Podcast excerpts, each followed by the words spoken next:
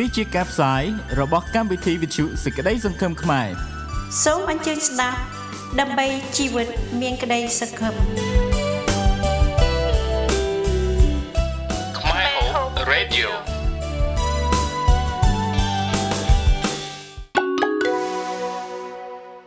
រាត្រីសួស្តីអស់លោកអ្នកនាងកញ្ញាជាទីមេត្រី សូមអញ្ជើញរីករាយទិវាដឹងគុណលោកឪពុក នេះជាការផ្សាយរបស់វិទ្យុសក្តីសង្ឃឹមខ្មែរសម្រាប់ថ្ងៃប្រហ័សទី2ខែកញ្ញា ឆ្នាំ2021ដែលផ្សាយតាមវិទ្យុសហគមន៍ 2GLF ពីសង្កាត់ Liverpool ទីក្រុង Sydney លោកអ្នកអាចបើកស្ដាប់នៅម៉ោង7ដល់ម៉ោង8យប់រៀងរាល់ថ្ងៃប្រហ័សតាមប៉ុស FM 89.3 ឬតាមគេហទំព័រ 2GLF ដែលមានអាសយដ្ឋាន www.893fm.com.au យើងខ្ញុំមានសេចក្តីរីករាយដែលបងប្អូនកំពុងបានស្ដាប់នាពេលនេះនាងខ្ញុំលីណាឈុងហើយខ្ញុំបាទយុធិរាសូមអញ្ជើញលោកអ្នកស្ដាប់កំសាន្តជាមួយកម្មវិធីផ្សាយរបស់យើងខ្ញុំនារាត្រីដ៏សែនមនោរម្យនេះ ក្នុងពេលដែលទីក្រុងស៊ីដនី មានការបាត់ខ្ទប់ជាទ្រង់ទ្រាយធំយើងខ្ញុំពិតជាយល់អំពីការលំបាកដែលកើតមានដល់លោកអ្នកហើយសង្ឃឹមថាលោកអ្នកមានការគ្រប់គ្រងព្រមទាំងថែរក្សាសុខភាពបានល្អផងដែរចា៎សម្រាប់ពេលនេះសូមអញ្ជើញស្ដាប់កំសាន្តជាមួយកម្មវិធីដែលមានដូចជាបទចម្រៀងខ្មែរពីរោះពីរោះព័ត៌មានសម្រាប់សហគមន៍ខ្មែរអបអរទិវាលោកឪពុក កិច្ចសន្ទនាប្រចាំខែ និងរាជសារនៃសេចក្តីសង្ឃឹមផងដែរចា៎បាទជាកិច្ចចាប់ផ្ដើមនេះយើងខ្ញុំសូមអញ្ជើញអស់លោកអ្នកស្ដាប់កំសាន្តនៅបទចម្រៀងដែលមានចំណងជើងថាប្តីលើផែនដីអស់ល្អត្រឹមប្តីអូនហើយដែលជាសំនៀងរបស់អ្នកនាងសុគន្ធនីសា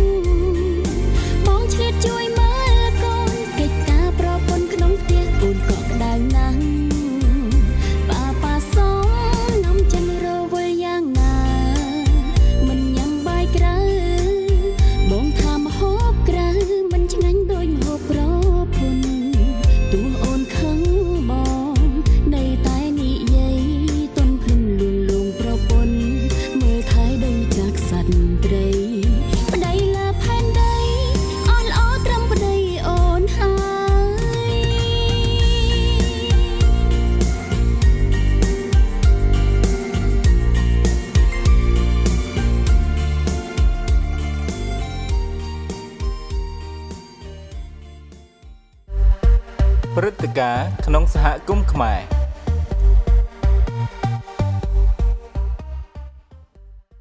ជាបន្តនាងខ្ញុំសូមចែកចាយដល់អស់លោកអ្នកនៅព្រឹត្តិការណ៍សំខាន់សំខាន់សម្រាប់សហគមន៍ថ្ងៃអាទិត្យទី5ខែកញ្ញានេះគឺជាការប្រារព្ធទិវាលោកឪពុកភាសាអង់គ្លេសហៅថា Father's Day នៅក្នុងប្រទេសអូស្ត្រាលីទិវានេះត្រូវបានកំណត់ជាផ្លូវការថា នៅថ្ងៃអាទិត្យដំបូងក្នុងខែកញ្ញា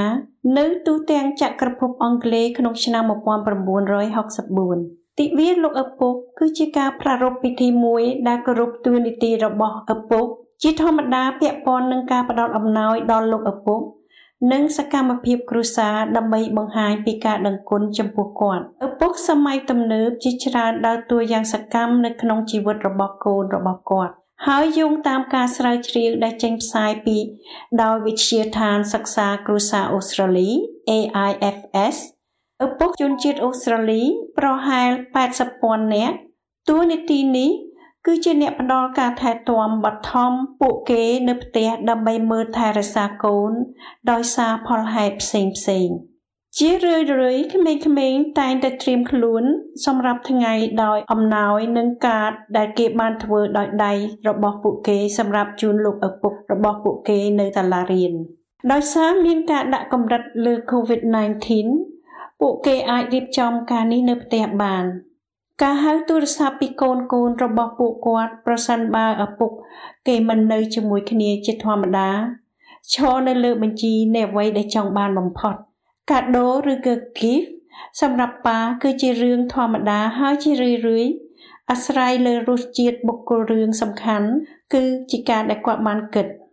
នៅប្រទេសអូស្ត្រាលីពួកគេក៏អាចរួមបញ្ចូលឧបករណ៍សួនឧបករណ៍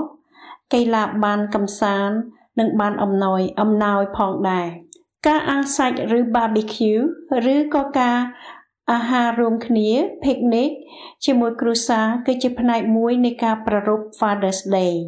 ការមានសកម្មភាពខ្លះនៅក្នុងឧទ្យានឬការដើរលេងកម្សាន្តក៏ត្រូវបានគេពេញចិត្តដែរហើយនៅក្នុងឆ្នាំនេះប៉ុន្តែយើងត្រូវមើលការដាក់កំហិតរបស់ រដ្ឋាភិបាលចំពោះជំងឺ Covid-19 ប្រសិនបើយើងនៅខាងក្រៅអាចមានមនុស្សបានតែ5នាក់ប៉ុណ្ណោះក្នុងរយៈពេល1ម៉ោង ជាបន្តទៅនេះនាងខ្ញុំសូមចែករំលែកជាមួយអ្នកនៅបទសម្ភាសជាមួយនាងកញ្ញាលីគៀងអំពីទិវាលោកឪពុកឬ Father's Day ដោយនាងរស់នៅក្រុងស៊ីដនី ហើយលោកឪពុករបស់នាងគាត់រស់នៅក្នុងប្រទេសកម្ពុជាយើងខ្ញុំសូមជូនពរឲ្យលោកអ្នកអបអរសាទរនៃទិវា Father's Day នៅក្នុងថ្ងៃអាទិត្យខាងមុខនេះចា៎កិច្ចសន្ទនា Father's Day ជាមួយនាងកញ្ញាលីគៀង សាយ័ន្តសុស្ដីនាងលីគៀងសូមស្វាគមន៍ដែលនាងបានមកកាន់វិទ្យុសក្តីសង្ឃឹមខ្មែរនៅសង្កាត់ Liverpool ទីក្រុង Sydney សូមនាងនិយាយអំពីប្រវត្តិរបស់នាងជម្រាបអស់លោកអ្នកនាងស្ដាប់បានឬទេចា៎ជាបឋមនេះខ្ញុំសូមជម្រាបសួរទៅកាន់ប្រិយមិត្តអ្នកស្ដាប់វិទ្យុខ្មែរនៃក្តីសង្ឃឹមទាំងអស់អឺមានខ្ញុំមានឈ្មោះថាលីគៀងបច្ចុប្បន្នជានិស្សិតខ្មែរដែលបានបន្តការសិក្សាអឺនៅទីក្រុង Sydney ប្រទេសអូស្ត្រាលីចាសូមអរគុណលីគៀង ទិវាបុណ្យលោកឪពុកដែលភាសាអង់គ្លេសហៅថា Father's Day នោះជិតមកដល់ហើយតើនាងអាចពិពណ៌នាអំពីលោកឪពុករបស់នាងជម្រាបលោកអ្នកស្ដាប់បានឬទេចា៎ចានៅក្នុងអឺថ្ងៃ Father's Day ដែលនឹងគិតចិត្តមកដល់ក្នុងពេលឆ្នាំនេះអ្វីដែលនាងខ្ញុំចង់បរិយាយពីលោកឪពុករបស់នាងខ្ញុំគឺគាត់ជាមនុស្សម្នាក់ដែលមានទំនួលខុសត្រូវខ្ពស់នៅក្នុងក្រុមគ្រួសារ ហើយគាត់តែងតែផ្ដល់ភាពកក់ក្ដៅក្ដីស្រឡាញ់ការលះបង់កម្លាំងកាយចិត្តនិងយកចិត្តទុកដាក់ចំពោះកូនកូនជាពិសេសលោកបានខិតខំប្រឹងប្រែងធ្វើការហើយបានឧបត្ថម្ភឲ្យកូនកូនមានការសិក្សាខ្ពង់ខ្ពស់និងដើម្បីជួយឲ្យដើម្បីឲ្យកូនមានភាពជោគជ័យនាពេលអនាគតខ្ញុំពិតជាមានមោទនភាពចំពោះប៉ា ចានាងខ្ញុំយល់ថាវិជ្ជកាមានការលំបាកណាដោយសារនាងនៅឆ្ងាយពីលោកឪពុករបស់នាងនៅគាត់រស់នៅ ប្រទេសក្រៅនៅក្នុងប្រទេសកម្ពុជាតើនាងនឹងប្រារព្ធពិធី Father's Day នេះតាមរបៀបយ៉ាងណាដែរតាមធម្មតាចាជាការបណ្ណា Father's Day ស្ទើរតែចាប់ផ្ដើមប្រារព្ធនៅក្នុងប្រទេសកម្ពុជារយៈពេលប្រហែលឆ្នាំកន្លងទៅនេះហើយក៏ប៉ុន្តែទោះជាយ៉ាងណាទោះបីជានាងខ្ញុំ បច្ចុប្បន្នរស់នៅឆ្ងាយពីអ្នកមានគុណក៏នាងខ្ញុំតែងតែជួយពេលវេលាដើម្បីទូរស័ព្ទទៅកាន់បែបជារៀងរាល់ពេលហើយជាងនេះទៅទៀតនៅក្នុងថ្ងៃអាទិត្យខាងមុខនេះនាងខ្ញុំនឹងទូរស័ព្ទទៅកាន់គាត់ដោយដើម្បីរីករាយនៅថ្ងៃ Father's Day ទៅគាត់ ចាជាជាការល្អមែនតែនចាតើនាងមានពាក្យពេចន៍នៃនាងចង់ចែករំលែកនៅការប្រារព្ធពិធី Father's Day នេះជូនដល់លោកឪពុករបស់នាងនៅប្រទេសកម្ពុជាឬទេចានាងខ្ញុំក្នុងនាមជាកូនអមិនមានអ្វីច្រើនទេគ្រាន់តែចង់ជូនពរគាត់នៅក្នុងឱកាស Father Days នេះអសូមជូនពរឲ្យគាត់មានសុខភាពល្អអ ជាថ្ងៃពីជំងឺដ៏កាចសាហាវនិងមានអាយុវែងដើម្បីជាមរតកដល់កូនកូននិងចៅចៅចៅសង្ឃឹមហើយពួកនាងខ្ញុំក៏សង្ឃឹមថានឹងបានជួបជុំក្នុងពេលដែលស្ថានភាព COVID បានធូរស្បើយ ចាអរគុណនាងនាងគៀងច្រើនដែលបានចែករំលែកនៃការប្រពៃពិធី Father's Day របស់នាងនៅនៅទៅជូនលោកឪពុកដែលនៅក្នុងប្រទេសកម្ពុជាសូមឲ្យលោកបានមានសេចក្តីរីករាយហើយសុខភាពយឺនយូរចាសូមអរគុណលីគៀងចា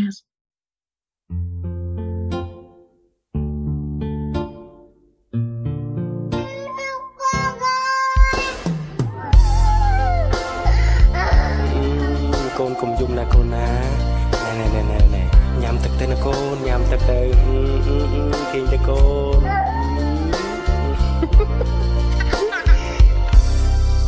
អតីតកាលបណ្ដាលឲ្យចិត្តមិនស្ងប់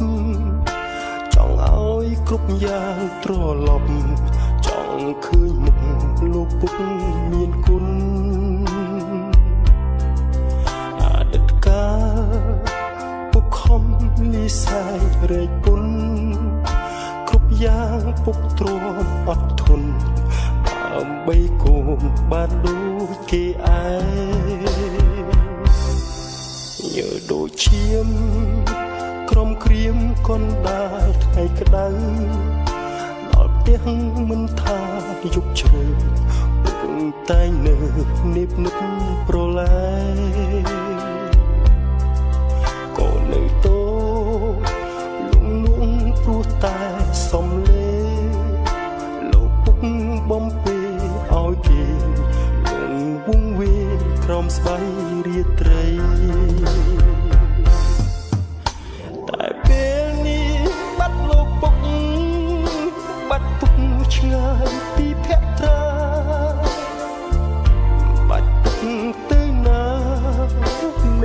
មិ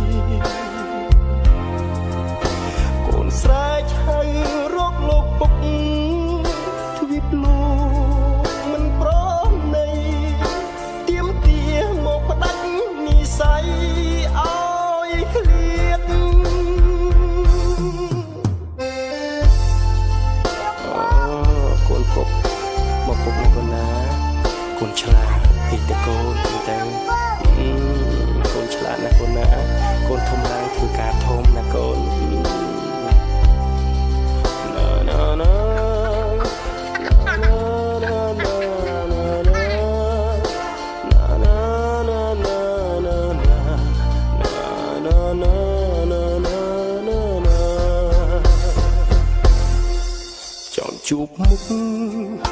ចង់ឃើញពុកនៅចិត្តកូនពាក្យពេចបំពេលួងលោធ្វើឲ្យកូនរឹតនៅស្រណោះមានថ្ងៃនេះដោយសារគុណពុកសន្ដោះទូមានអប់រំកូនប្រុសមិនឲ្យខុសលុះធំដឹងក្តី តែពេលនេះឃ្លាតលោកពុកឃ្លាតពុកឆ្ងាយពីភក្ត្រាបាត់ពុក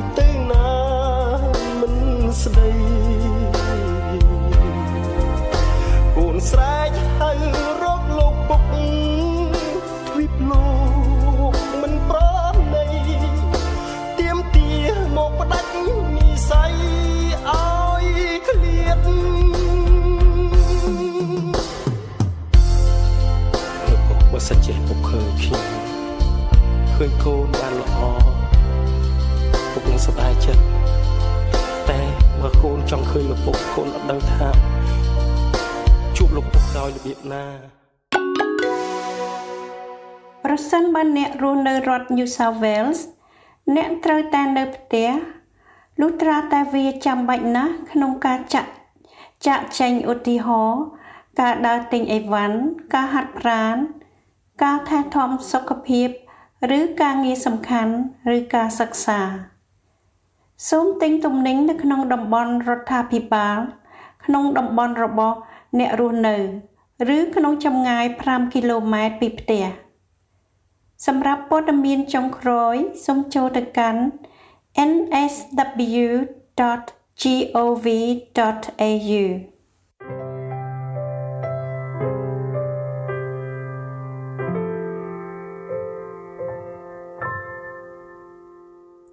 អ្នកកំពុងស្ដាប់កម្មវិធីផ្សាយរបស់វិទ្យុសេចក្តីសង្ឃឹមខ្មែរផ្សាយចេញពីសង្កាត់ Liverpool ទីក្រុង Sydney ពុកខំនិស័យរែកពុនគ្រប់យ៉ាងពុកទ្រាំអត់ធន់ដើម្បីកូនបានដូចគេឯង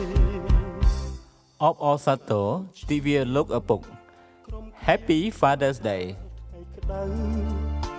ដល់ផ្ទះមិនថាយប់ជ្រៅតែនៅនិបនិបអបអរសាទរទិវាលោកឪពុកអស់លោកអ្នកនាងស្ដាប់វិទ្យុសេចក្តីសង្ឃឹមខ្មែរជាទីមេត្រីទិវាដឹងគុណឪពុកនៅប្រទេសអូស្ត្រាលីមិនដូចគ្នាទៅនឹងប្រទេសអាមេរិកឬប្រទេសដទៃទៀតនោះទេនៅអូស្ត្រាលីយើងប្រារព្ធទិវានេះនៅក្នុងអាទិត្យដំបូងនៃខែកញ្ញាជារៀងរាល់ឆ្នាំ នៅឆ្នាំ2021នេះ គឺចំថ្ងៃអាទិត្យទី5ខែកញ្ញាខាងមុខនេះហើយយើងខ្ញុំពីវិទ្យុសំឡេងសេចក្តីសង្ឃឹមខ្មែរសូមចូលរួមប្រារព្ធថ្ងៃនេះដោយរៀបចំកម្មវិធីពិសេសជាការដឹងគុណដល់លោកឪពុកគ្រប់រូបឲ្យបានប្រកបដោយសេចក្តីសុខសាន្តនិងអំណរក្នុងជីវិតក្នុងភាពជាឪពុកដែលមានដើមកំណើតជាខ្មែរ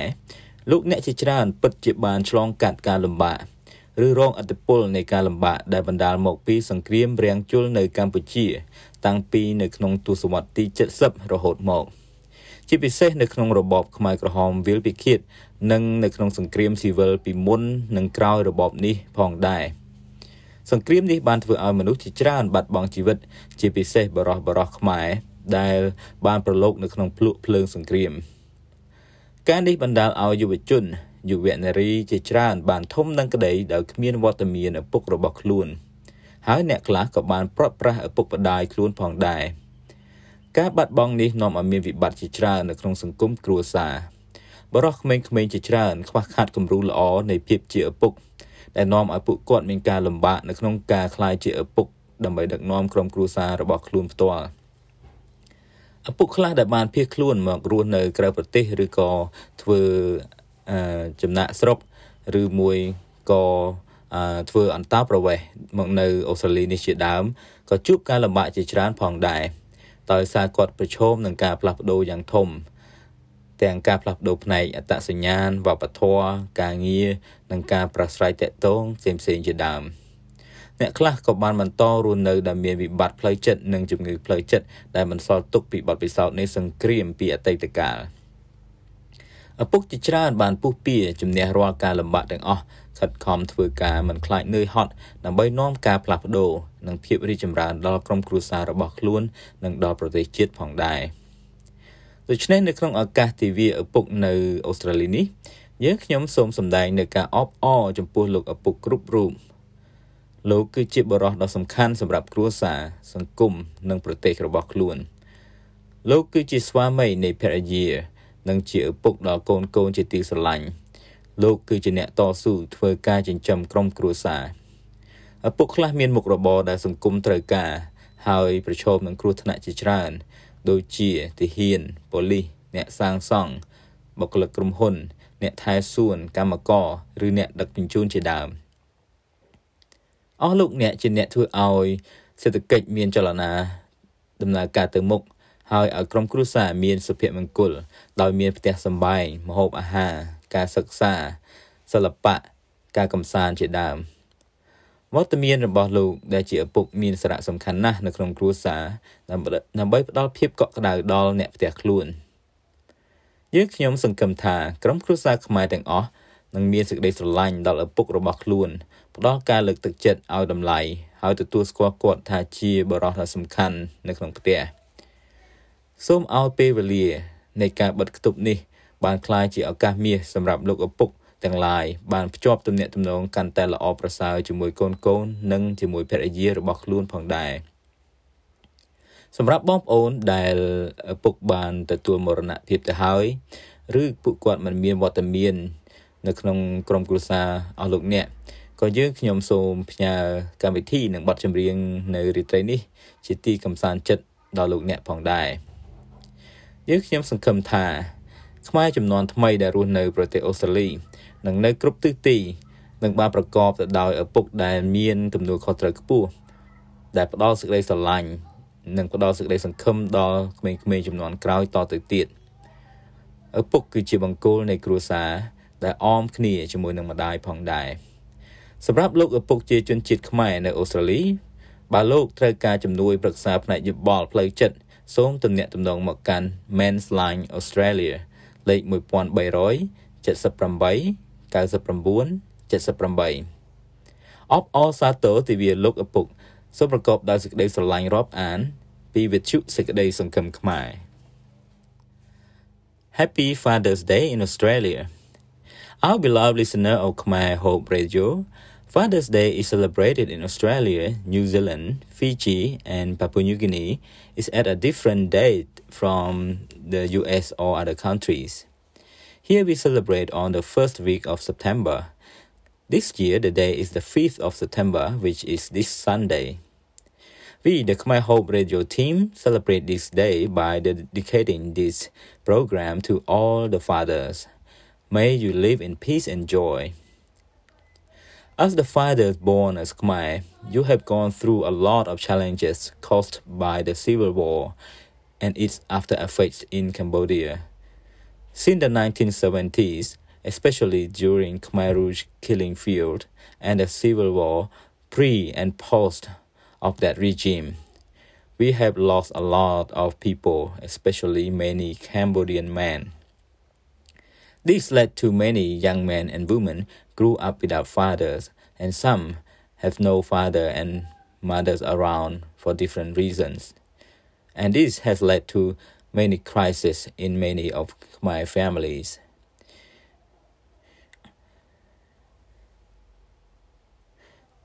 A lot of young men has grown up without good role model from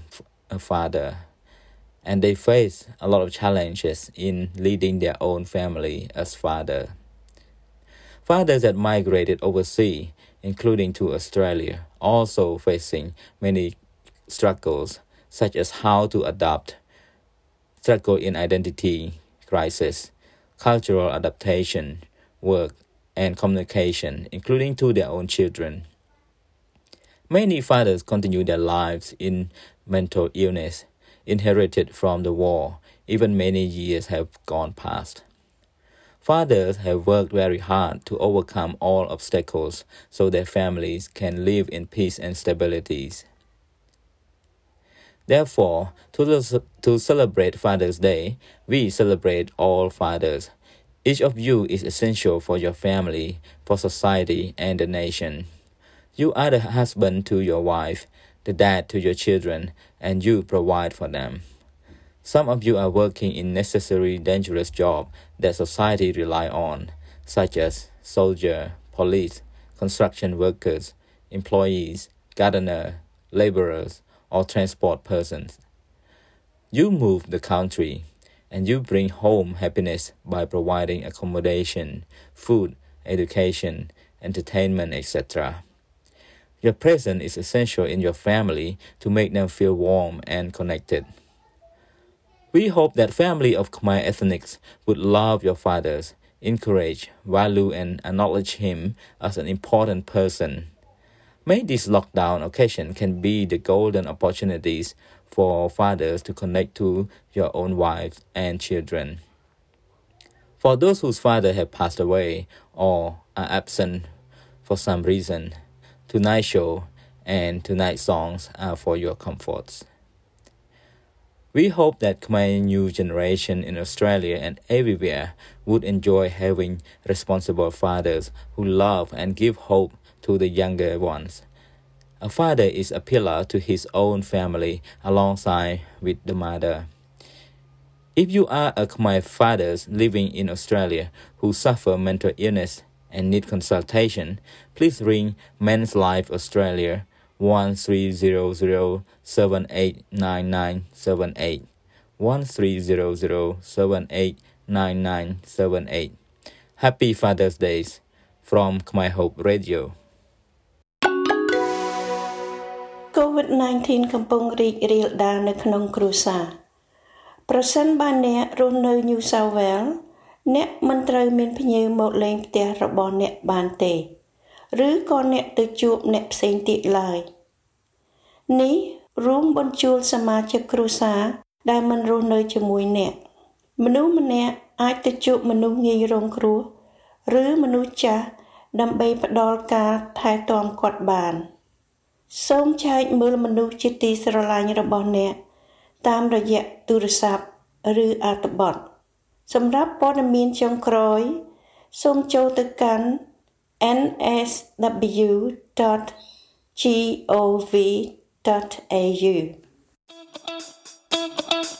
កិច្ចសន្ទនាប្រចាំខែ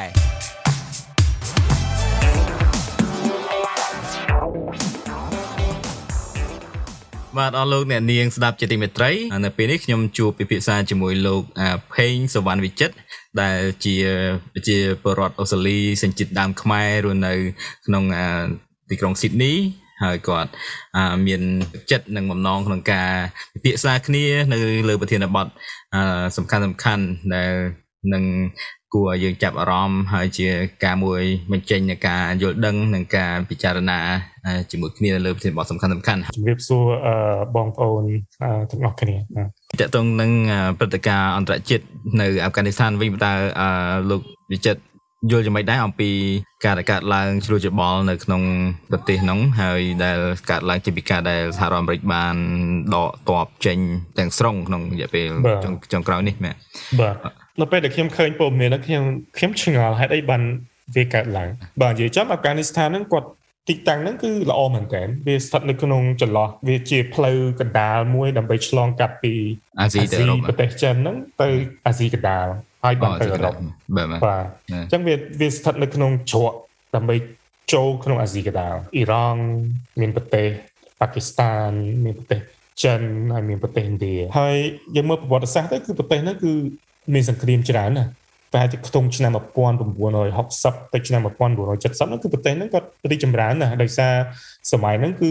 កាន់កាប់ដោយស្ដេចប៉ុន្តែដល់ពេលចូលឆ្នាំ1970ជាងហ្នឹងអញ្ចឹងប្រទេសហ្នឹងក៏ត្រូវបានប្រទេសរុស្ស៊ីគាត់មកគ្រប់គ្រងគាត់មកជួយនៅក្នុងហ្នឹងបាទដល់ពេលរុស្ស៊ីនឹងចេញចេញអស់ពួកតាលីបាននឹងចូលមកម្ដងអញ្ចឹងពួកតាលីបាននឹងគ្រប់គ្រងប្រទេសនឹងតាំងពីឆ្នាំ1990ដល់ឆ្នាំ2000បាទអញ្ចឹងតាលីបានលើកនេះគាត់មកកាន់កាប់អាហ្វហ្គានីស្ថានជាលើកទី2ឯងបងប៉ុន្តែដល់សម័យហ្នឹងដោយសារអាហ្វហ្គានីស្ថានឲ្យប៊ីនឡាដិនគាត់ជ្រកនៅហ្នឹងណា ដល់ពេលអញ្ចឹងអាមេរិកវាយអាហ្វហ្គានីស្ថានទាំងមូលហ្មងដេញពួកតាលីបាននឹងចូលនៅក្នុងរូងភ្នំមូលហេតុដែលអាមេរិកដេញក៏មានហេតុការធំមួយកើតឡើងហ្នឹងមែនទេបាទអាមេរិកដេញដោយសារហេតុការដែលយន្តហោះអឺបោះយន្តហោះពីរដែលបុក World Trade Center នៅ New York ហ្នឹងតាំងពីឆ្នាំ2001បង2001បាទបាទតាំងពីហ្នឹងមកគឺអាមេរិកគាត់ថាប្រទេសអាហ្វហ្គានីស្ថានគឺជាប្រទេស មួយដែលសម្បូរពួកគេហៅពួកអីគេអឺភេរវករពួកភេរវករបងអញ្ចឹងវាវាយយកប្រទេសនឹងទាំងមូលហ្នឹងគោលដៅសំខាន់របស់អាមេរិកដែលគាត់មកអាហ្វហ្គានីស្ថានហ្នឹងគឺដើម្បីមកសម្លាប់ Ben Laden ទេបាទប៉ុន្តែដោយសារ Ben Laden ហ្នឹងគាត់ប្រទេសហ្នឹងវាទីតាំងប្រកបហ្នឹងគឺវាសម្បូររូងភ្នំណាបាទដល់អញ្ចឹង Ben Laden គាត់នៅក្នុងរូងភ្នំអញ្ចឹងអាមេរិកវាពិបាកនឹងរកឃើញរកឃើញដែរបាទអញ្ចឹងវាគាត់ គាត់វាយយកអាអាហ្វហ្គានីស្ថានមួយទាំងមូលម្ដងបាទតែដល់ពេលសង្គ្រាមនឹងឥឡូវហ្នឹងចប់20ឆ្នាំហើយអញ្ចឹងអាមេរិកគាត់ចង់ដកទ័ពទៅវិញប៉ុន្តែដល់ពេលគាត់ដកទ័ពទៅវិញអាយើងឃើញថាក្រោយមកអឺក្រោមការដឹកនាំរបស់នាយករដ្ឋមន្ត្រីបារ៉ាអូបាម៉ានិយាយឃើញថាប្រតិបត្តិការតាមកម្ចាត់គាត់បានសម្រេចមែនទេបាទបានសម្រេចហើយហ្នឹងហើយប៉ុន្តែមុននឹងគាត់ដកតបហ្នឹងគេមានគម្រោងរបស់គេច្រើនណាស់ដើម្បីគម្រោងទី1ដើម្បីជួយ អភិវឌ្ឍប្រទេសហ្នឹងអញ្ចឹងណាបាទអញ្ចឹងពិតអាមេរិកចាយលុយច្រើនមែនទែននៅលើប្រទេសហ្នឹងអាមេរិកចាយលុយចំនួនប្រហែលជាខ្ញុំមើលព័ត៌មាន2.3 trillion កាលកាលអង្គការសហប្រជាជាតិចំណាយនៅកម្ពុជាអស់ត្រឹមអឺ2000លានណា2000លានបាទ2 billion 2 billion ណាកងទ័ពរបស់អាហ្វហ្គានីស្ថានហ្នឹងគឺគាត់មានរហូតដល់អឺ30ម៉ឺននាក់គាត់ចំណាយប្រហែលជា800លានដើម្បីជួយខាងវិស័យយោធាមានទាំង អឺយន្តហោះចម្បាំងអាសេរីកំភ្លើងទំនើបទំនើបដូចបាទ M M4 M12 អាកំភ្លើងសង្គ្រាមរបស់អាមេរិកហ្នឹងបើគាត់ឃើញក្នុងហ្នឹងក្នុងវីដេអូហ្នឹងបាទហើយប៉ុន្តែខ្ញុំនៅពេលដែលខ្ញុំមើលតាមដានព័ត៌មានហ្នឹងកាន់តែច្រើនច្រើនទៅអឺព័ត៌មានហ្នឹងគេបានបកស្រាយថាអឺរដ្ឋាភិបាលអាហ្វហ្គានីស្ថានដែលសប្តាហ៍ថ្ងៃហ្នឹង នៅពេលមុននឹងតាលីបានគាត់យកបានហ្នឹងរដ្ឋាភិបាលហ្នឹងគឺគាត់ពុកអលួយពេកបាទបាទអំពើពុកអលួយបាទមានពុកអំពើពុកអលួយហ្នឹងខ្លាំងពេកបាទនៅក្នុងព័ត៌មានមួយហ្នឹងគាត់ទៅសេថាតបរបស់អាហ្វហ្គានីស្ថានដែលនៅជួរមុខហ្នឹងគ្នាអត់បានអត់បានបើកប្រាក់ខែគ្នាតាំងពីខែ4ដល់ពេលអញ្ចឹងតាហ៊ានជួមុខហ្នឹងគាត់អត់ទឹកចិត្តបាទបាទអញ្ចឹងការពិតតាលីបានហ្នឹងវាយលឿនអញ្ចឹងបងឃើញ ពួកតាលីបានហ្នឹងចូលមកបងឃើញពូមីគឺអត់ឃើញមានការវាយគ្នាអត់មានឃើញក្របកំភ្លើងនេះហោះទៅហោះមកអត់មានសោះហេតុអីដោយសារពួកតាលីបានហ្នឹងចូលមកគឺឲ្យអ្នកចាស់ទុំប្រហែលអ្នកចឹងចូលទៅក្នុងភូមិហ្នឹងបាទហើយចូលប្រាប់ពួកហ៊ានជួលមុខថាបើសិនជាឯងចោះចូលគឺណៃរួចខ្លួនអត់ឲ្យអត់មានការសម្លាប់អត់មានអីគឺសងសឹកអីទេអត់មានសងសឹកអីទេទៅហ៊ានអាកាសស្ថានហ្នឹងចោះចោះចូលតែម្ដងបាទអញ្ចឹងក៏ចូលមករហូតមកទៅដល់ទីក្រុងកាប៊ុលនេះ ប្រធានាធិបតីរបស់អាហ្វហ្គានីស្ថានហ្នឹងរត់ចោលប្រទេសហើយនៅពេលដែលគាត់រត់ចោលប្រទេសហ្នឹងគាត់យកលុយយកអីរត់តាមទាំងអស់គាត់យកលុយទៅហ្នឹងប្រហែលជា165លានហើយម្យ៉ាងវាមិនមែនតែអាមេរិកទឹកមួយទេដែលអឺវាប៉ះពាល់ណាបងបាទសម្ព័ន្ធមិត្តទាំងអស់ដូចជាប្រទេសអូស្ត្រាលីអាល្លឺម៉ង់អង់គ្លេសបាទអីអស់ហ្នឹងកងទ័ពរបស់ពួកគាត់ហ្នឹងក៏នៅក្នុងអាហ្វហ្គានីស្ថានអត់ទាន់ដកមកអស់ទេបាទបាទអញ្ចឹងវាប៉ះពាល់ទាំងអស់គ្នា ទាំងអស់គ្នាបាទបាទមិនថាប្រទេសណាតំបន់ណាទីក្រុងណាយើងមិនចង់ឲ្យមានសង្គ្រាមកើតឡើងបាទបាទបើសិនជាខ្លួនយើងមិនការពារទឹកដីខ្លួនយើងទេបាក់នឹងឲ្យប្រទេសអ្នកដទៃដូចជាប្រទេសអាមេរិកដើម្បីចូលមកការពារទឹកដីរបស់យើងបាទអញ្ចឹងជាសង្ខេបខ្ញុំគិតថាយើងត្រូវតែខំប្រឹងខ្លួនឯងយើងត្រូវតែ ពង្រឹងសមត្ថភាពខ្លួនឯងទៅលើប្រទេសទី3ទាំងស្រុងដើម្បីការពារបាទសមរភូមិដើម្បីការពារប្រទេសរបស់យើងអូខេជាងអរគុណវិចិត្របានចំណាយពេលពិភាក្សាជាមួយគ្នានៅកម្មវិធីពិភាក្សាតុកមូលដែលថ្ងៃនេះមានតែយើងពីរនាក់យើងអរគុណបងប្អូនដែលបានចំណាយពេលស្ដាប់យើងខ្ញុំតែពីរនាក់បាទសូមជម្រាបលាបាទបាទអរគុណបទចម្រៀងបន្ទាប់នេះមានចំណងជើងថា នៅជាមួយប្រពន្ធដោយប្រាជ្ញា ដែលច្រៀងដោយលោក Ben David បទនេះជាសំណុំពររបស់លោក Candy ដែលសប្តាហ៍ថ្ងៃរស់នៅខេត្តកំពង់ឆ្នាំប្រទេសកម្ពុជា លោកសូមផ្ញើបទចម្រៀងនេះជូនដល់ក្រុមយុវជនរបស់លោកទាំងអស់ស្ដាប់កំសាន្តដោយរីករាយសូមអរលោកអ្នកនាងស្ដាប់រីករាយកំសាន្តជាមួយបទនេះផងដែរចា៎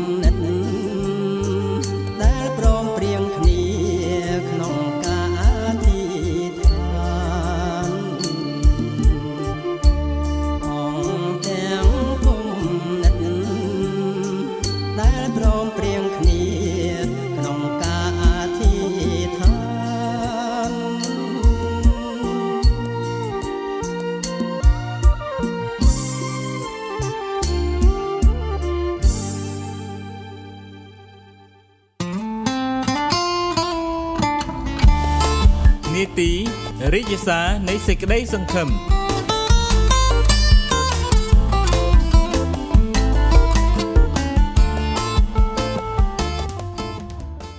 កម្មវិធីរិទ្ធិសារនៃសេចក្តីសង្ឃឹមក្នុងសប្តាហ៍នេះ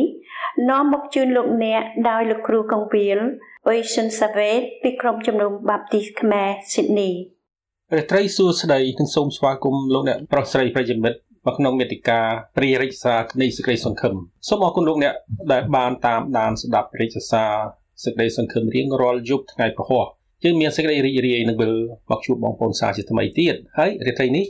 យើងសូមជូនមេតិកាសេចក្តីសង្ឃឹមទី18ដែលមានចំណងជើងថា សេចក្តីសង្ឃឹមមានដល់ក្រុមគ្រួសារដោយសារព្រះបិតាឋានសួគ៌សំណួររបស់យើងប្រចាំសប្តាហ៍សួរថាហេតុអ្វីបានជាសេចក្តីសង្ឃឹមសំខាន់អ្វីម្ល៉េះដល់យើងគ្រប់រូបការពិតគឺថាសេចក្តីសង្ឃឹមសំខាន់បំផុតដល់មនុស្សយើងគ្រប់គ្រប់គ្នា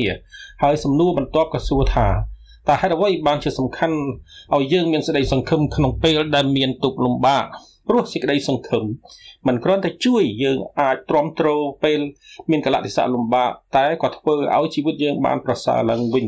ព្រោះវាធ្វើឲ្យយើងមើលឃើញទស្សនៈអនាគតជំរុញយើងឲ្យមានជំហានឈានទៅធ្វើឲ្យសេចក្តីសង្ឃឹមនោះបានកើតឡើងដោយយោងទៅតាមទិវាបៃតាដែលនឹងខិតចូលមកដល់នាថ្ងៃអាទិត្យទី5ខាងមុខនេះនៅប្រទេសអូស្ត្រាលីយើងប្រពធ្វើពិធីទិវាបៃតាគឺជាទិវាដឹងគុណដល់លោកឪពុកនិងបៃតារបស់យើងរាល់គ្នាតែចំពោះបងប្អូនដែលរស់នៅក្នុងប្រទេសផ្សេងផ្សេងទៀតដូចជាអាមេរិកកាណាដាអាល្លឺម៉ង់អង់គ្លេសខ្មែរថៃហាវ៉ៃហុងកុងតៃវ៉ាន់ឥណ្ឌាភូមាវៀតណាមឡាវលក្ខនិងលក្ខគេប្រពធ្វើពិធីដឹងគុណឪពុកនេះនាខែមិថុនា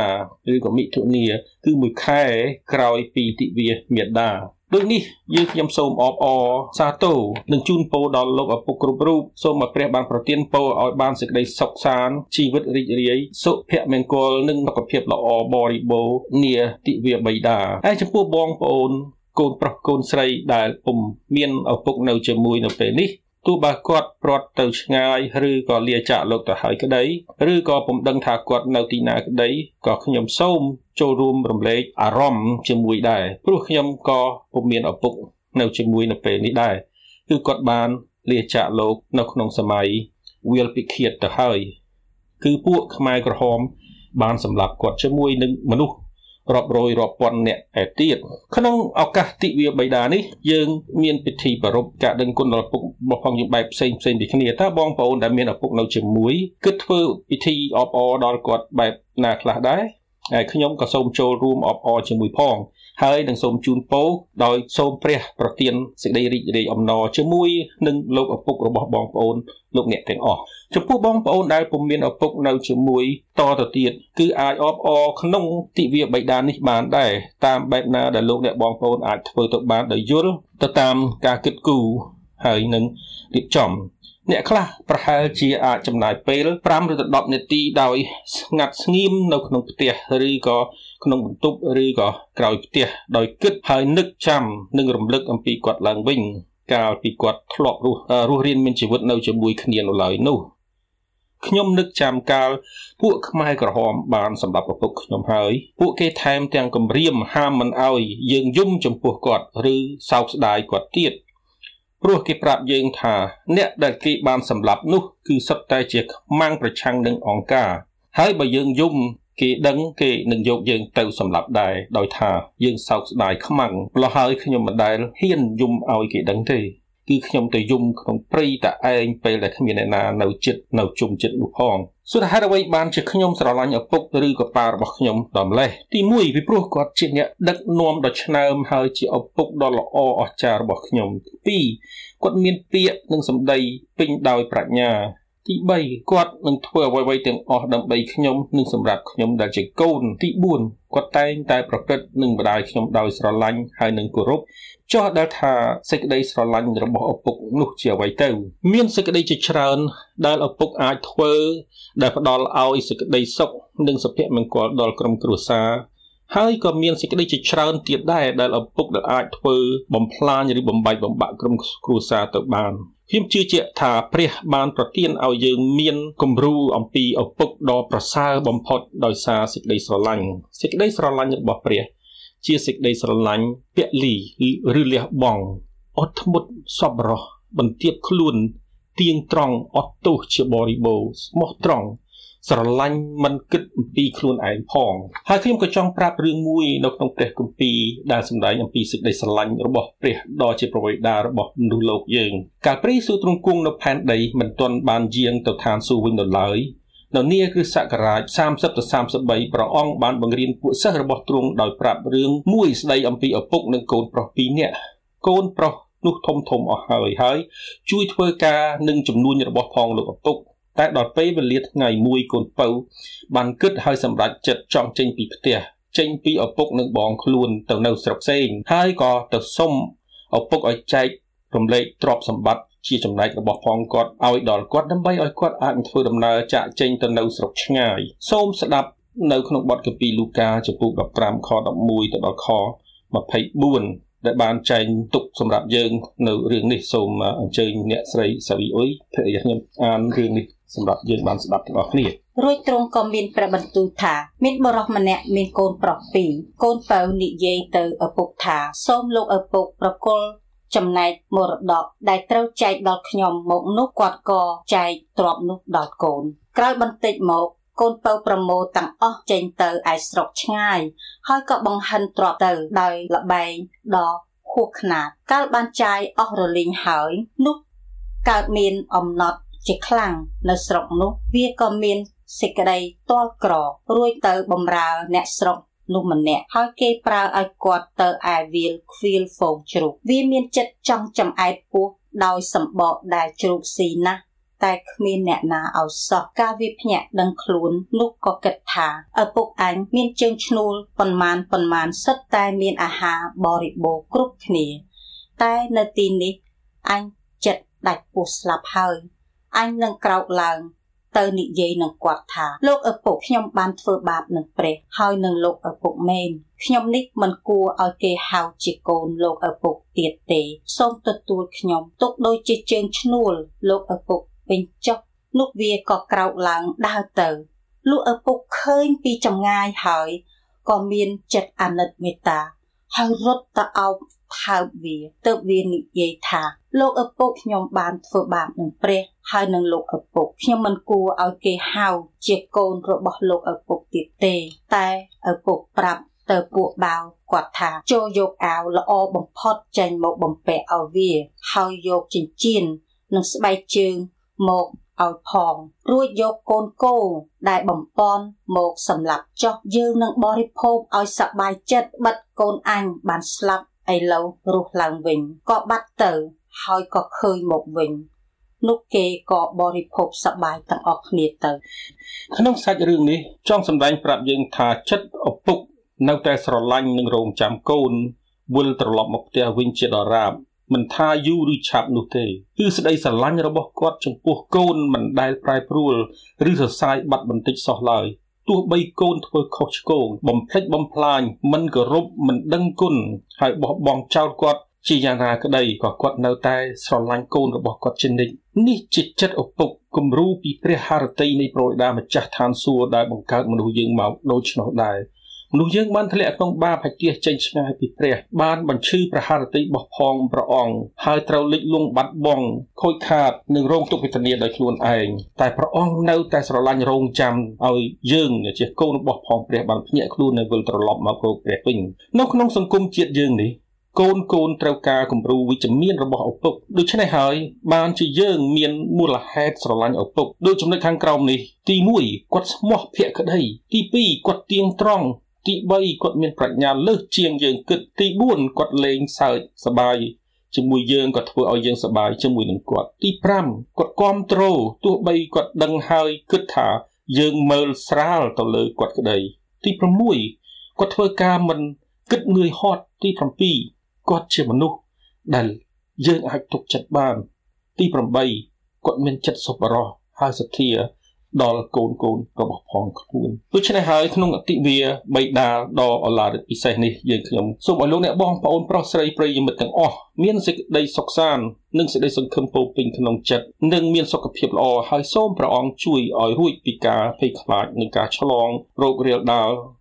ជាដរាបទៅនិងសូមព្រះប្រទានពរហើយនឹងសូមអបអររីករាយទិវាបិតាដល់ឪពុកគ្រប់រូបពីខ្ញុំបាទ អ៊ុយសុនសវេតសូមជម្រាបលានិងរាត្រីសួស្តីយើងខ្ញុំសូមថ្លែងអំណរគុណលោកគ្រូអ៊ុយសុនសវេតដែលបានចែករំលែកសារនៃសេចក្តីសង្ឃឹមជូនដល់អស់លោកអ្នកនាងស្ដាប់របស់យើង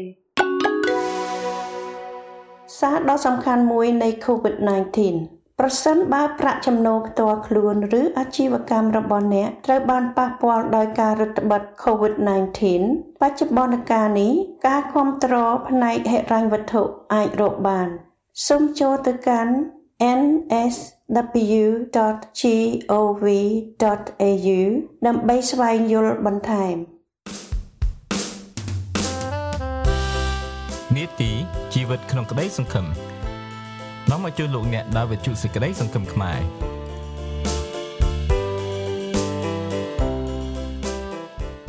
ហើយដល់ពេលបានកពីបំមើយកមកអានវាមិនចេញ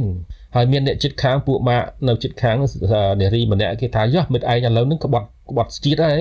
ខ្ញុំថាអូមិនដែរខ្ញុំមិនតន់មើលយល់ថាមានស្អីនៅឡើយផងខ្ញុំក៏ចង់ដឹងថាគេនិយាយពីអីតែប៉ុណ្ណោះហើយដល់ក្រោយមកខ្ញុំបានអានទៅវាអត់យល់បាទ មកថាយនឹងមិននឹងស្អីទេនិយាយពីយល់ពីប្រវត្តិសាវតាអីចឹងខ្ញុំអត់យល់ហើយពិបាកអានផងរៀនអានឡើងវិញផងតែពេលជាមួយគ្នាមានសភៅមួយទៀតគេឲ្យមកប្រអប់ជាមួយគឺគេហៅថាសង្ខេបសាសនាហើយខ្ញុំអានរៀនអានបានតិចតិចតែសង្ខេបសាសនានឹងភាកដំបូងខ្ញុំសប្បាយចិត្តមែនទែនខ្ញុំឃើញថាអូព្រះយេហូវ៉ាជាព្រះអធិការជាព្រះបង្កំកាត់ ទីមេឃផែនដីពីថ្ងៃ1ព្រះអង្គកើតនេះថ្ងៃ2ព្រះអង្គកើតអូខ្ញុំសប្បាយចិត្តថារកឃើញព្រះដែលសងគ្រោះខ្ញុំនៅក្នុងចម្បាំងនោះឃើញហើយក្នុងសង្គ្រាមនោះឃើញហើយខ្ញុំនឹងសម្រេចចិត្តនឹងនឹងនឹងស្វែងរកព្រះអង្គហើយនឹងទទួលដើរតាមព្រះអង្គតែដល់ពេលអានដល់ភាគទី2ចាប់តែនាំពីព្រះយេស៊ូវជាព្រះអង្គសងគ្រោះតែព្រះអង្គសងគ្រោះនេះត្រូវស្លាប់ត្រូវគេជួនលើឆ្កាងគេសម្លាប់ហើយគេចាក់ទម្លាជំហៀងខ្ញុំថាមិនចឹងខ្ញុំអត់ចូលចិត្តទេពាក្យកដាលសភៅហ្នឹងពាក្យកដាលដំបូងខ្ញុំចូលចិត្តពីព្រោះព្រះ ព្រះដែលមានអំណាចព្រះមិនចេះស្លាប់ទេហើយថាមានអ្នកដែលសងគ្រោះវិរៈបុរសវិរៈជនគឺមនុស្សខ្លាំងមនុស្សមនុស្សដែលមានជ័យជំនះហើយបើព្រះយេស៊ូវថាមកសងគ្រោះខ្ញុំមិនបើគេសម្លាប់បានអញ្ចឹងធ្វើមិនធ្វើជាអ្នកវិរៈជនវិរៈបុរសខ្ញុំជួយសងគ្រោះខ្ញុំបានទៅសងគ្រោះខ្លួនឯងមិនបានផង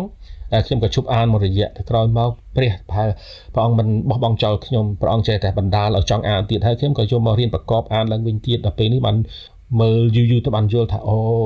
ព្រះអង្គមកយកនិស្ស័យជាមនុស្សហើយដោយព្រោះបាបយើងធ្ងន់ដល់ម្លេះគ្មានអ្នកណាលួសបានហើយព្រះអង្គត្រូវតែមកទទួលទោសជួសជំនួសយើងដាក់ខ្លួនអង្គទ្រង់ជំនួសយើងជំនួសកន្លែងយើង បានខ្ញុំព្រមហើយក្រោយមកទៅថ្វាយខ្លួនពិតប្រកបបានដូច្នេះគួរឲ្យបត្រួសបត្រាយដំបងនោះប៉ុន្តែពេលជាមួយគ្នាបងប្អូនសាច់ញាតិនៅជុំវិញគេជំរុញខ្ញុំឲ្យទៅបួសហើយខ្ញុំមានការប្រជែងក្នុងគំនិតនឹងថាទៅបួសសងគុណដល់ម្ដាយដូចមិនដេចធ្វើនៅមិនដេចឲ្យគុណដល់គាត់ ហើយមួយទៀតខ្ញុំរកបានសងបានសងគ្រោះខ្លួនឯងមិនបានផងខ្ញុំមិនត្រូវវិនិច្ឆ័យទៅថ្ងៃណាទេមនុស្សស្លាប់ច្រើននឹងចរុំអាគ្រុនចាញ់នោះបន្សល់ទុកមកគឺស្លាប់ច្រើនណាស់មួយថ្ងៃរាប់រយនាក់រោគកន្លែងកប់មិនសឹងមិនបានបាទអញ្ចឹងទៅខ្ញុំក៏មិនសង្ឃឹមថារស់ដែរហើយពេលនោះគេខំប្រមូលយកដាក់ក្មេងកព្រាមណ្ឌលកម្មាកព្រាតែមិនហ៊ានទេខ្លាចលោកគេបំបីពីបងប្អូនពោះពុកម្ដាយស្លាប់អស់ឲ្យសល់គ្នាប្រហែលអ្នកបងប្អូនចង់នៅជុំគ្នាអញ្ចឹងក៏នៅក្នុងស្រុកក្នុងភូមិជាមួយបងប្អូននឹងទៅ ហើយដំណឹងល្អហ្នឹងក៏យើងមិនទាន់ជាក់លាក់ដែរហើយដល់ពេលសម្រាប់ថាខ្ញុំនឹងតាមដានថែមទៀតហើយក្រោយមកក៏បានសម្រេចចិត្តថាខ្ញុំនឹងសម្រេចតាមដល់តាមព្រះយេស៊ូវហើយខ្ញុំអត់ទៅបួសអីទៀតទេព្រោះខ្ញុំដឹងថាព្រះនេះដែលបានសងគ្រោះខ្ញុំហើយព្រះនេះជាព្រះពិតដែលបង្កើតព្រៃមេឃផែនដីហើយព្រះអង្គយកនិស្ស័យជាមនុស្សគឺដើម្បីបោកលួសបាបខ្ញុំបាទព្រះអង្គស្រឡាញ់ខ្ញុំហើយខ្ញុំជំនុំមានបាបខ្លាំងជាងគេហើយខ្ញុំពិចារណាតាមអឺ ទិស្ដីហើយនឹងគោលជំនឿពុទ្ធសាសនាថាមនុស្សមានបាបទៅណាក៏គេចមិនរួចដែរនឹងរងទុក្ខវេទនាជាដរាបអញ្ចឹងបាទខ្ញុំឃើញខ្លួនឯងថាខ្ញុំជំនួសរងទុក្ខវេទនាខ្លាំងណាស់ពុកម្ដាយស្លាប់ចោលអស់ហើយខ្លួនឯងនៅកព្រាបងប្អូននៅតូចតូចទៀតអញ្ចឹងគឺសម្រាប់ចិត្តថាសូមឲ្យព្រះទ្រង់ជួយវិញអញ្ចឹងសូមឲ្យព្រះអង្គសូមថ្វាយខ្លួនដល់ព្រះយេស៊ូវឲ្យព្រះអង្គជួយដល់ពេលយើងសម្រាប់ចិត្តថ្វាយខ្លួនដល់ព្រះអង្គពេលនោះយើងដើរចេញពីវិហារមកនៅព្រឹកនោះសម្រាប់ចិត្តថាដើរតាមព្រះអង្គរហូតហើយ ខ្ញុំអត់ប្រាប់រឿងមួយដល់អ្នកណាសោះពីព្រោះខ្ញុំស្គាល់អ្នកដែលសម្លាប់ឪពុកខ្ញុំកាលឆ្នាំ75នោះហើយខ្ញុំគុំជាយូរមកហើយក្នុងសម័យខ្មែរក្រហមមកជិត5ឆ្នាំនោះខ្ញុំគុំខ្ញុំមានទាំងកំភ្លើងមានក្របកំភ្លើងតាមតាមរោគអ្នកដែលសម្រាប់ពួកខ្ញុំថាជួបកន្លែងណាខ្ញុំបាញ់សម្រាប់គាត់ទៅនឹងខ្ញុំអត់គិតខ្លួនឯងទេថាខ្មែរក្រហមបាញ់ខ្ញុំវិញគឺសម្រាប់ខ្ញុំវិញឬក៏ធ្វើឲ្យដល់ខ្ញុំធ្វើចោលឲ្យតែខ្ញុំបានសងសឹកនឹងឈាមឪពុកខ្ញុំហើយសិនប៉ុន្តែម្ដាយជួបគាត់សោះពេលខ្ញុំមានកំភ្លើងខ្ញុំមានអាវុធខ្ញុំអត់មានជួបគាត់សោះរហូតដល់ពេលថ្ងៃមួយនោះដែលខ្ញុំបានថាខ្ញុំសម្រាប់ចិត្តដើរតាមព្រះជីវិតគាត់ហើយក៏សូមឲ្យគ្រូកងវិលនាំអធិដ្ឋានថ្វាយខ្លួនសារថ្មីពួកខ្ញុំបានថ្វាយខ្លួនម្ដងតែថ្វាយខ្លួនខ្លែងខ្លាយអញ្ចឹងពេលនេះខ្ញុំសម្រាប់ចិត្តថាថ្វាយខ្លួនពិតប្រកបពួកពេលគ្រូអធិប្បាយនោះស្រាប់តែខ្ញុំយំជាប់អត់អត់អត់អត់ស្រក់អត់ស្រាក់ស្រានសោះហើយពោះព្រះមានធ្វើការក្នុងចិត្តថាខ្ញុំជាមនុស្សដែលកុហកព្រះអង្គខ្ញុំថ្វាយខ្លួនកុហកព្រះអង្គហើយមិនទាន់បានសងគ្រោះទេខ្ញុំសម្រាប់ចិត្តថា ថ្វាយខ្លួនជាថ្មីហើយខ្ញុំចាំរហូតដល់មនុស្សចេញអស់ពីវិហារព្រឹកនោះហើយខ្ញុំចាំជួបលោកគ្រូផ្ទាល់ហើយក្រោយមកខ្ញុំបានជួបលោកគ្រូថាលោកគ្រូសូមជួយខ្ញុំផងខ្ញុំមានទុកខ្លាខ្ញុំមានទុកសោកក្នុងចិត្តលោកគ្រូសួរថាមានបញ្ហាអីថាខ្ញុំអត់ស្មោះត្រង់នឹងព្រះទេខ្ញុំកុហកព្រះអង្គខ្ញុំថ្វាយខ្លួនខ្លែងខ្លាយឥឡូវនេះព្រះអង្គធ្វើការក្នុងជីវិតខ្ញុំដោយលឺព្រះបន្ទូលហើយឥឡូវខ្ញុំសូមឲ្យ លោកគ្រូជួយខ្ញុំផងជួយនាំខ្ញុំថ្វាយខ្លួនឡើងវិញដើម្បីឲ្យព្រះទទួលខ្ញុំជាកូនពិតប្រាកដអញ្ចឹងគាត់ថាអឺគាត់ក៏សុខចិត្តគាត់ក៏អធិដ្ឋានដាក់ដៃលើហើយនាំឲ្យខ្ញុំថាតាមគាត់ហើយខ្ញុំអធិដ្ឋានជាមួយគាត់ពេលចប់មកក៏លាគាត់ចេញមកស្រាប់ខ្ញុំទៅជួបនឹងម្នាក់ដែលស្លាប់ឪពុកខ្ញុំនោះបាទហើយពេលនោះខ្ញុំដៅមែនទែនខឹងខ្លាំងណាស់មានសញ្ញាថ្មីមួយរុំនឹងកសែងបៀតក្រោមក្លៀកមិនចង់ឲ្យគេឃើញនេះខ្មាស់គេណាខ្លាចកាន់កាពីប៉ុន្តែនៅចិត្តកំភឹងជួបម្នាក់នោះនៅកណ្ដាលតារាងបាល់នៅ នៅស្រះកែវទី1នេះហើយខ្ញុំសម្រេចចិត្តថាពេលនោះខ្ញុំនឹងនឹងវ័យតបនឹងគាត់ហើយខ្ញុំស្លាប់គាត់ហើយពេលនោះថាអត់មានអាវុធក៏ដោយអត់មានកំភ្លើងក៏ដោយកពីនឹងដៃខ្ញុំនឹងវ័យសម្លាប់គាត់ហើយហើយគាត់គាត់មានជើងពិការដែរពេលនោះប្រហែលជាឈឺខ្លាំងគាត់នៅអឺញាក់រញ័រផងអញ្ចឹងជួបគាត់កណ្ដាលទីតារាងបាល់ខ្ញុំថាសម្រេចចិត្តនឹងសម្លាប់គាត់ខ្ញុំរៀបឈោទៅដាក់គាត់ហើយស្រាប់តែសំលេងចេញមកពីណាខ្ញុំអត់ដឹងប្រងថាកូនកូនគាត់ឯងទៅដើរចេញពីវិហារមើលទៅក្រោយមកនោះវិហារគាត់ឯងទៅតលុនតួ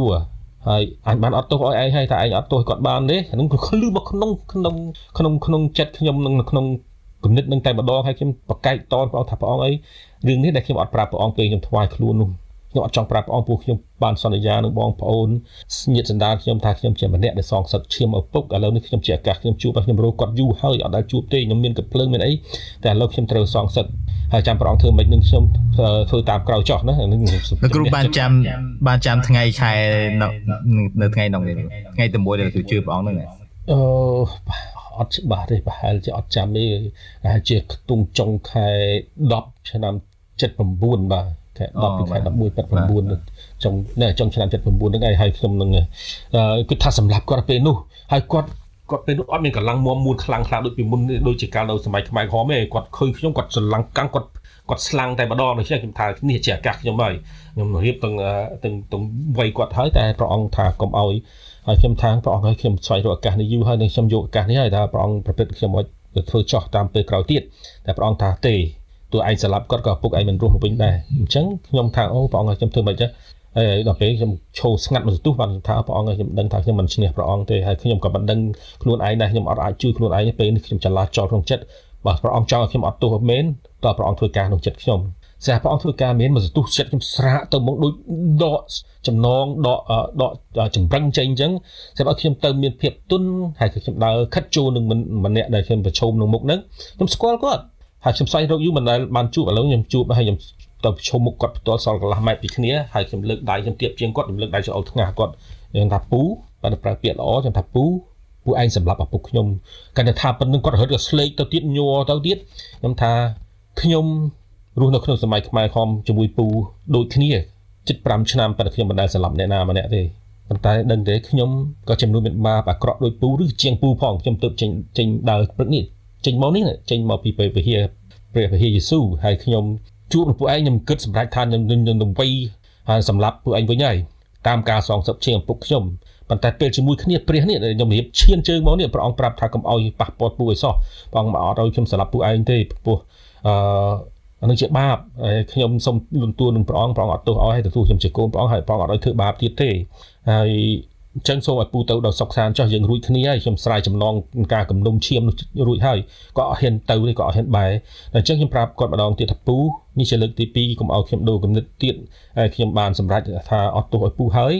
ហើយខ្ញុំមិនគុំទៀតទេហើយខ្ញុំដឹងថាពូសម្រាប់គេជាច្រើនអ្នកណាទៀតរោពួកឯងខ្ញុំអត់ដឹងទេតែខ្ញុំវិញគឺខ្ញុំសូមស្រាយចំណងនោះសូមពូទៅឲ្យបានសុខចុះហើយគាត់ពេលនោះក៏បែរទៅហើយគាត់ដើរដូចរត់ចឹងប៉ាត់ប៉ាច់ប៉ាត់ប៉ាត់ប៉ាត់ទៅទៅក៏បាត់ទៅហើយខ្ញុំអមែនទេក្នុងចិត្តខ្ញុំប្រងដកអាបឡានោះដែលចុកចាប់យូរហើយខ្ញុំមិនដែលមានអំណរសោះខ្ញុំតាមសងសឹកតាមខ្លំមើលតែឃើញម្នាក់ហ្នឹងខ្ញុំនឹងសងសឹកទៅទីណាក៏ដោយកន្លែងណាដោយនៅកណ្ដាលព្រៃក៏ដោយកណ្ដាលផ្សារដោយកណ្ដាលវត្តដោយខ្ញុំនឹងសម្លាប់ហើយប៉ុន្តែដល់ពេលនោះជឿព្រះយេស៊ូវថាចេញមកជួបនឹងគាត់កណ្ដាលតារាងបាល់ខ្ញុំអត់សម្លាប់គាត់កើតព្រះអង្គថាកុំអោយសម្លាប់អញ្ចឹងខ្ញុំប្រាប់គាត់ថាទៅទៅអឺចំណងនឹងគំនុំចាស់យើងត្រូវស្រាយហើយព្រះអង្គបានអត់ទោសខ្ញុំហើយខ្ញុំក៏អត់ទោសឲ្យពូដែរ យើងរួចគ្នាចោះពីពីថ្ងៃនេះតទៅរឿងចាស់បានកន្លងទៅហើយហ្នឹងយើងក៏រួចពីនោះមកហើយខ្ញុំក៏ចាប់ដើមអឺមានអំណរក្លាហានចូលទៅសាលារៀនប្រាប់គ្រូថាខ្ញុំជាអ្នកគ្រីស្ទានហើយគេសើចអូពេញទៅសាលាខ្ញុំថាអត់បញ្ហាអីទេខ្ញុំសម្រេចចិត្តអីពីព្រោះឲ្យព្រះអង្គជាអ្នកដែលជួយខ្ញុំហើយព្រះអង្គទទួលខ្ញុំមិនខ្មាស់នឹងចំពោះអ្នកណាខ្ញុំមិនត្រូវខ្មាស់ដែរអញ្ចឹងខ្ញុំក៏សុំគ្រូថាលោកគ្រូអ្នកគ្រូសុំមកព្រឹករាល់ថ្ងៃខ្ញុំសុំ1ម៉ោងទៅរៀនទៅ2ម៉ោង10 ចឹងគ្រូក៏អនុញ្ញាតឲ្យរៀនអស់ឆាមែនទេឲ្យបានទៅរៀនកពីក្រុមតូចហើយហ្នឹងហើយប៉ុន្តែពីមុននោះខ្ញុំទៅរៀនដែរដល់ពេលថ្ងៃម៉ោង10មកដល់10ខ្ញុំទៅដាំបាយធ្វើម្ហូបអីទៅវត្តអីដើម្បីនឹងធ្វើកិច្ចឲ្យពុកម្ដាយខ្ញុំបាទនៅពេលចាប់ពីស្គាល់ព្រះអង្គច្បាស់ខ្ញុំសម្រេចចិត្តថាខ្ញុំដើរតាមព្រះអង្គបាទអស់លោកអ្នកនាងស្ដាប់ កម្មវិធីផ្សាយសម្លេងនៃសេចក្តីសង្ឃឹមខ្មែរជាទីមេត្រី យើងខ្ញុំសង្ឃឹមថាលោកអ្នកបានរីករាយជាមួយកម្មវិធីផ្សាយរបស់យើងសូមអរគុណដែលបានបើកស្ដាប់តាំងពីដើមដល់ចប់ចា៎បើសិនបងប្អូនរស់នៅប៉ែកខាងលិចនៃទីក្រុងស៊ីដនីសូមកុំភ្លេចរងចាំស្ដាប់កម្មវិធីរបស់យើង នៅថ្ងៃប្រហ័សសប្តាហ៍ក្រោយវេលាម៉ោង7ទៅ8យប់តាមប៉ុស FM 89.3 MHz ឬលោកអ្នកអាចស្ដាប់ផ្ទាល់និងស្ដាប់ឡើងវិញបាន តាមគេហទំព័រ 893fm.com.au ដោយគ្រាន់តែស្វែងរកមើលកម្មវិធីខ្មែរ Hope Radio បើសិនអស់លោកអ្នកនាងមានបំណងចង់ទំនាក់ទំនងមកយើងខ្ញុំសូមសរសេរមកកាន់អ៊ីមែ ល khamerhoperadio@gmail.com យើងខ្ញុំនឹងឆ្លើយតបទៅកាន់អស់លោកអ្នកតាមឆាប់តាមដែលអាចធ្វើទៅបានចា៎នាងខ្ញុំលីណាឈុងហើយនឹងខ្ញុំបាទអូនយុធិរាយើងខ្ញុំទៅពីអ្នកសូមជម្រាបលារាត្រីសួស្តីទ្រង់ពេលក្រ